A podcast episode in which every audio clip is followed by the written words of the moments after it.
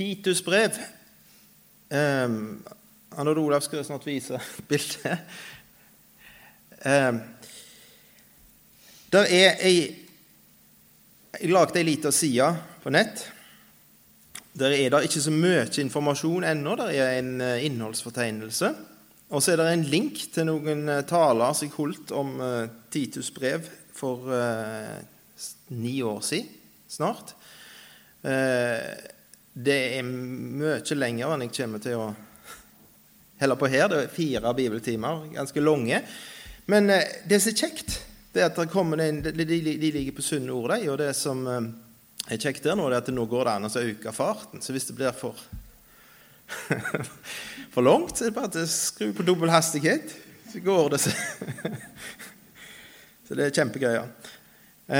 så kommer det litt mer informasjon på den når det nærmer seg neste gang vi skal snakke om dette. Det var vel i Når var det? November? Desember? Januar? ja, det er iallfall eh, Det er to ganger til. Eh, Grunnen til at jeg talte om Titus brev for ni år siden, det var eh, noe jeg leste på Facebook. Det var en som stilte spørsmålet hvordan hadde det blitt i menigheten du går i, hvis dere hadde gått gjennom Titus brev vers for vers? Og Det fikk meg til å tenke litt da. For det, er et brev som handler om forandring. Eh, det er et brev som er skrevet til en som befinner seg på ei øy som heter Kreta. Eh, Titus heter han. Han er en eh, ja, han er en litt, Når vi leser om han første gang, så leser vi egentlig ikke om han i apostelgjerningene. Så, så står der at, eh, i kapittel 15 at eh, Paulus og Barnabas og noen, andre reiste opp til Jerusalem. Og Han var en av de noen andre. Det finner vi ute i Galaterbrevet at han var. Men han var ikke, sikkert ikke det mest framtredende i starten. Han var en unge mann. Men han ble en voldsomt betrodd medarbeider. I fall tre anledninger så sendte Paulus han ut i voldsomt viktige oppdrag. Og her I dette brevet her så kaller han han for sin sønn, min ekte sønn i vår felles tro, i vers 4. Altså en som har noen av de samme egenskapene som Paulus hadde, en som ligna litt på Paulus, en som Paulus kjente seg igjen i, og som han hadde formidla noe av seg til på åndelig vis. Og så nå, nå, er han på Kreta. Og hvorfor er han på Kreta? Jo, i vers 5 så leser vi Jeg lot deg bli igjen på Kreta for at du skulle ordne det som ennå sto igjen. Altså På en eller annen måte så var Paulus på Kreta. Det leser vi heller ikke om i apostelgjerningene. Eh, men Sannsynligvis så ble han sluppet ut av fengsel igjen etter det siste vi leser i apostelgjerningene, og så reiste han til Kreta. Og så ble det noen frelste der. Og så var ikke alt ferdig når Paulus måtte reise videre, så da eh, lot han Titus være igjen. For han skulle ordne det som gjensto. For det gjensto noe i den menigheten, eller den, på den plassen der. Eh, og det som gjensto hovedsakelig, den ho hovedtingen som gjensto, det er helt tydelig. For det sier han i neste setning. Å innsette eldste i hver by, slik jeg påla deg. Altså Han skulle innsette ledere, ville vi kalt i dag, kanskje, i hver by.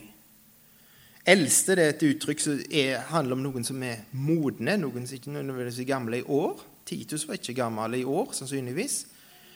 Men eh, de, er, de har vært ute ei vinternatt før. De har litt erfaring. De har gått et stykke med Jesus. Og så får de et oppdrag om å være ledere, hyrder, være sånne som passer på ei menighet. Og så kommer det ei liste med ting som og Det skal vi ikke gå i detalj på i dag, men eh, det kommer ei liste med egenskaper som en eldste må ha. Han må være én kvinnes mann. Det går jo an å få til gjerne. Eh, og ha troende barn som ikke har ord på seg for utskeielser eller oppsetsighet. For en tilsynsmann må være ulastelig, som Guds husholder. Ikke egenrådig, ikke bråsint, ikke drikkfeldig, ikke voldsom, ikke lysten etter ussel vinning. Han må være gjestfri, glad i de gode, sindig, rettferdig, hellig, avholdende. Ja, og så skal Titus finne noen faktisk levende mennesker på Kreta som oppfyller disse kriteriene. Og hvis vi ja, Vi trenger ikke slå opp, men i apostelgjerningene 14, på den første misjonsreise til Paulus, så gikk de fra by til by og så forkynte. Og så ble det noen frelste. Det oppsto menigheter i de byene. Og så står det at de valgte eldste for dem før de reiste videre. Så der gikk det an tydeligvis å finne noen. Allerede helt i starten så var det noen som de kunne innsette. Kanskje det var noen som var gudfryktige jøder og kjente sin bibel, sitt gamle testamente, og så hadde de begynt å tro på Jesus, og så hadde de, akkurat som Paulus hadde, de hadde mye ifra før så de kunne bruke, så Den hellige ånd kunne bruke hos dem.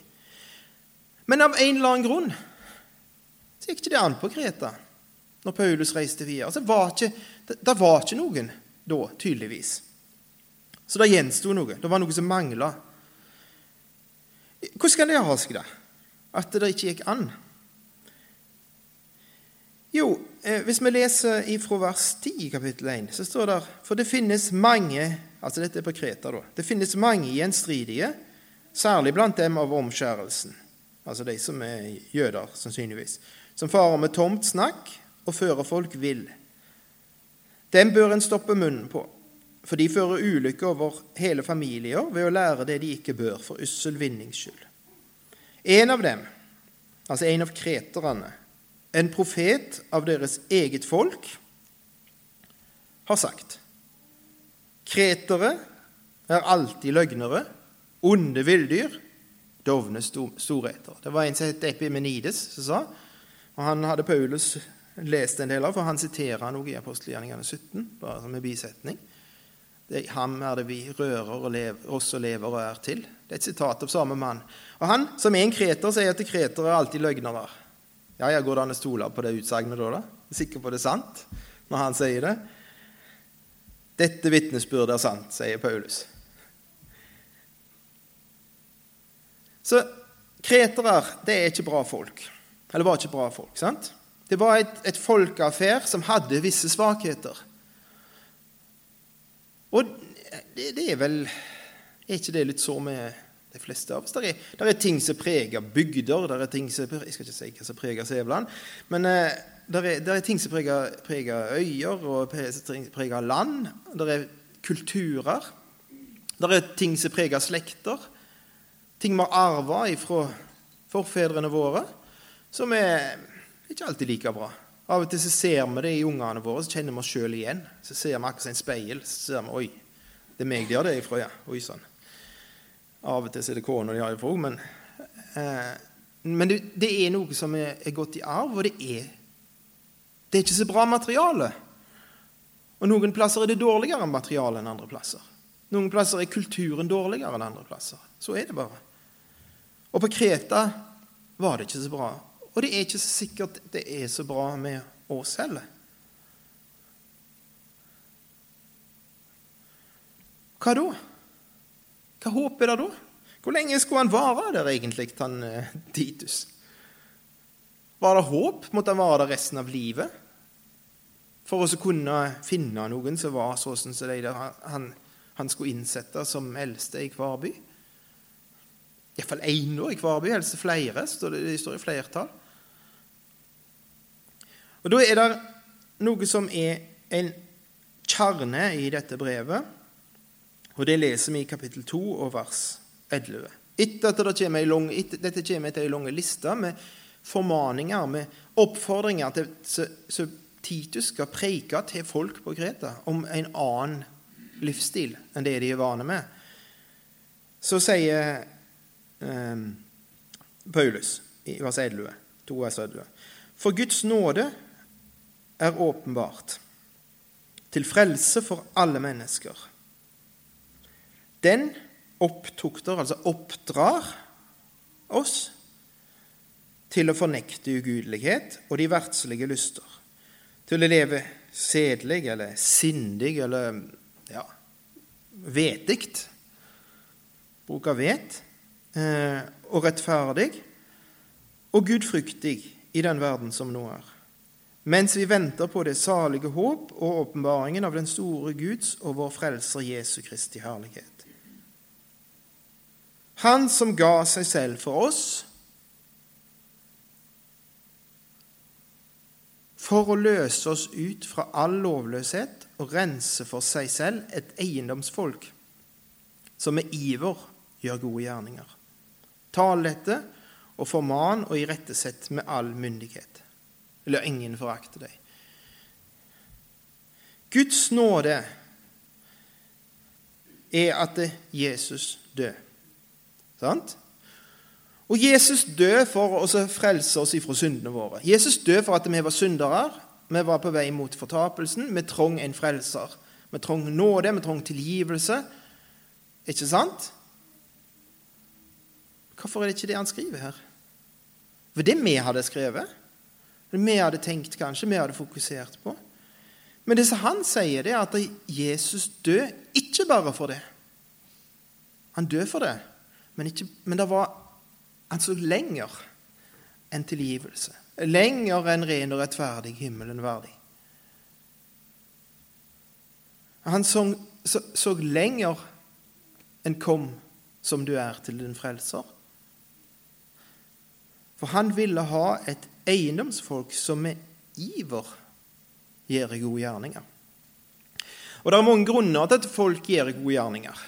Eh, noen gjør gode gjerninger for at de tror at hvis de gjør gode gjerninger, så er det bra for karmaen i noen religioner, og noen tenker at det er bra i, for, for, i forhold til Gud. For at hvis du har gjort mange gode gjerninger, så kommer han til å si ja da, du, det er mye Det er ikke alt som er bra med deg, men det er nok pluss til at jeg skal slippe deg inn. Så er det noen som tenker. Og det har vi i bedehusland alltid påpekt at det er helt feil. Og Det er gjerningskristendom og egen rettferdighet. Og det har nesten blitt sånn at av og til at gode gjerninger er en, en ting vi ikke liker helt. Vi er voldsomt raske. Vi sier at det ikke er av gjerninger, det er av nåde, osv. Men her er det en Gud og hans sønn Jesus som gav seg sjøl for at vi skulle bli et eiendomsfolk som med iver gjør gode gjerninger. Og Da er det ikke for at vi må, for at vi er redde, for at vi gjerne har lyst til få, at noen andre skal skryte av oss. For det er jo en grunn til at folk gjør gode gjerninger. At de vil vise seg sjøl fram. Eh, men noen som med iver gjør gode gjerninger. Noen som gjør gode ting for de har lyst å gjøre gode ting. Og det er en lang vei, det, ifra alltid løgnere, onde villdyr, dovne storetere til et eiendomsfolk som med iver gjør gode gjerninger. Og Så må vi se litt på hva, hvor det uttrykket kommer ifra, som Paulus bruker. Et eiendomsfolk. Hva er det for noe? Det er ikke et ord som vi bruker til vanlig. Et eiendomsfolk. Men i, i 2. Mosebok 19 så finner vi det uttrykket. Og da er det Israel som er blitt befridd fra slaveri i Egypt og ført ut i, i ørkenen. Og så er Moses gått opp på fjellet for å møte Gud. Og så sier Gud til han i vers 3.: Så skal du si til Jakobs hus og kunngjøre for Israels barn. Eh, og så vers 5.: Dersom dere nå virkelig vil høre min røst og holde min pakt, da skal dere være min eiendom framfor alle folk, for hele jorden er min. Dere skal være et kongerike av prester for meg og et hellig folk. Dere skal være et spesielt folk. Dere skal være noe for meg. Noe som er spesielt for meg. Jeg eier alt, men dere skal være noe helt spesielt. Og så leser vi i kapittel 20 at de sier Yes, det skal vi gjøre. Det skal vi få til. Klart vi skal få det til. Og Betingelsene kommer litt etter litt, de ti bud. Det går ikke lenge før de bryter det. Det er en avtale som de skriver under. Så så, med Gud? Jo da, det, for vi vil jo ha dette, så da skriver vi under. Klart vi skriver under på det. Men de holdt ikke den avtalen. De holdt ikke den pakten med Gud. Og så er vitna hele historien deres om at det, det nytta ikke. De fikk det ikke til. Ikke om de prøvde engang, så fikk de det ikke til. Det ble ikke et eiendomsfolk som iver gjorde gode gjerninger. Det ble i beste fall et eiendomsfolk av plikt skyldig gjorde gode gjerninger. Og det, når Jesus kom, så var det noen fariseere som hadde sett det i system. Og lagt strenge regler sånn at du skulle gjøre gode gjerninger. Men det var bare for du måtte. Og det ble et slaveri. Og så i Jeremia kapittel 31 Dette har jeg sagt før, men jeg sier det igjen, for det er noe av det mest sentrale som, som er i, i Bibelen. I 31, Jeremia 31, 31. Se, dager kommer, sier Herren, da jeg vil opprette en ny pakt med Israels hus og med Judas hus. Den skal ikke være som den pakten jeg opprettet med deres fedre på den dagen jeg tok dem ved hånden og førte dem ut av landet Egypt. Vers 33.: Men dette er den pakten jeg vil opprette med Israels hus etter de dager, sier Herren. Jeg vil gi min lov i deres sinn og skrive den i deres hjerte. Jeg vil være deres Gud, og de skal være mitt folk. De skal ikke lenger lære hver sin neste og hver sin bror å si 'kjenn meg', for de skal alle kjenne meg, både små og store. Hva var problemet med den gamle pakten, den gamle avtalen? Jo, det var seks bokstaver. Dersom. Dersom. Og dersom funka ikke det. Hvis det er en betingelse for hvis dere gjør deres del Det går ikke, det. Funka ikke. Og her sier Gud jeg skal gjøre det. Det skal bli en ny pakt, en ny avtale, og da er det jeg som skal gjøre hele greia. Og jeg skal skrive skal gi min lov i deres sinn, altså i tankene deres, og skrive den i hjertet deres. Og Det vi gjør, og det vi lever, som vi lever, det er styrt av tankene våre, sinnet vårt og hjertet vårt. Hjertet er drivkraftig. Det er kreftene som driver oss. Og sinnet er hvordan vi tenker. Og Det er det som bestemmer hvordan vi gjør. Og der har Gud sagt der skal jeg skrive. Og så blir denne pakten, denne avtalen, nevnt i Det nye testamentet, i Lukas 22. Og da er Jesus rett, Det er rett før Jesus skal dø. Uh, og så sier han i uh,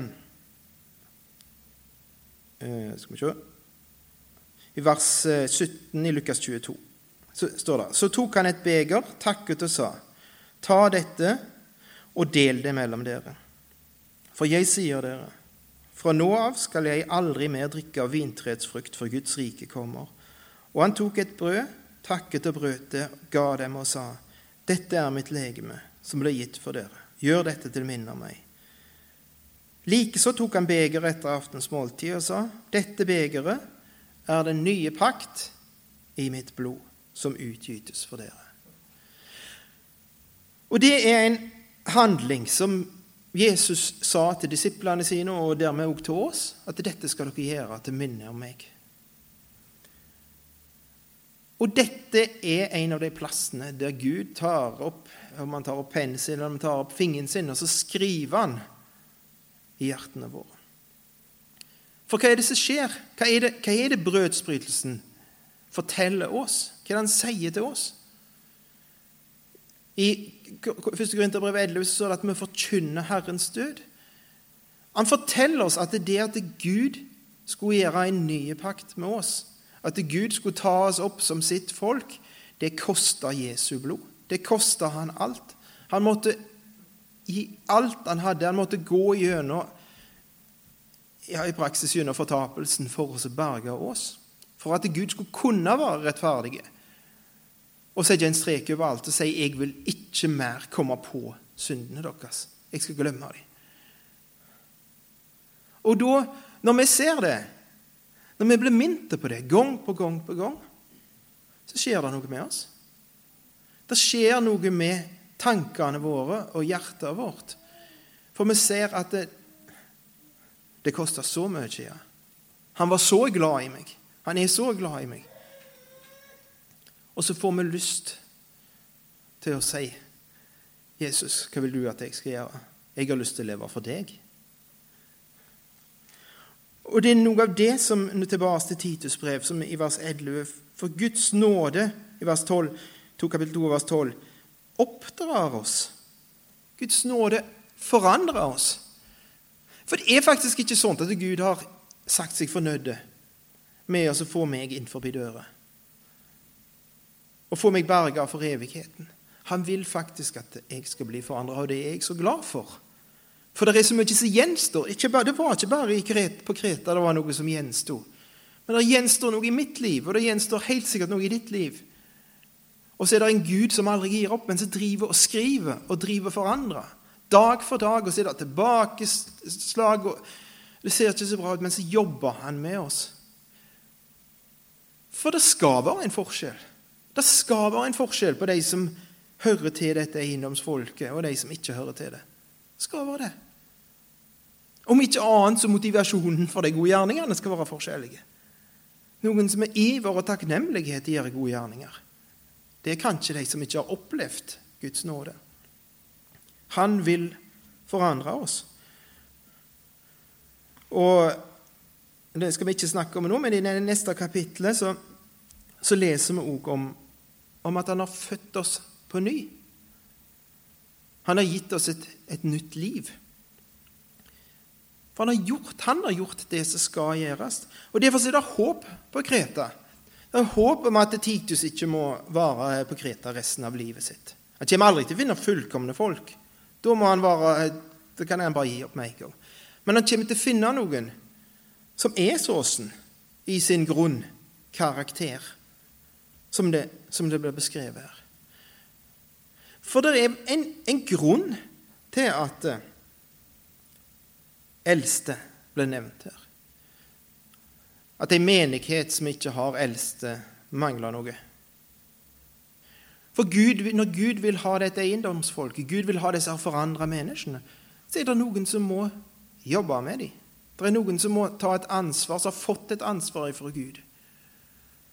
Titus hadde et ansvar her. Han skulle forkynne noe. Han skulle være der og så forkynne ordet sånn at det ble en, en forandring ved at Guds nåde oppdrog.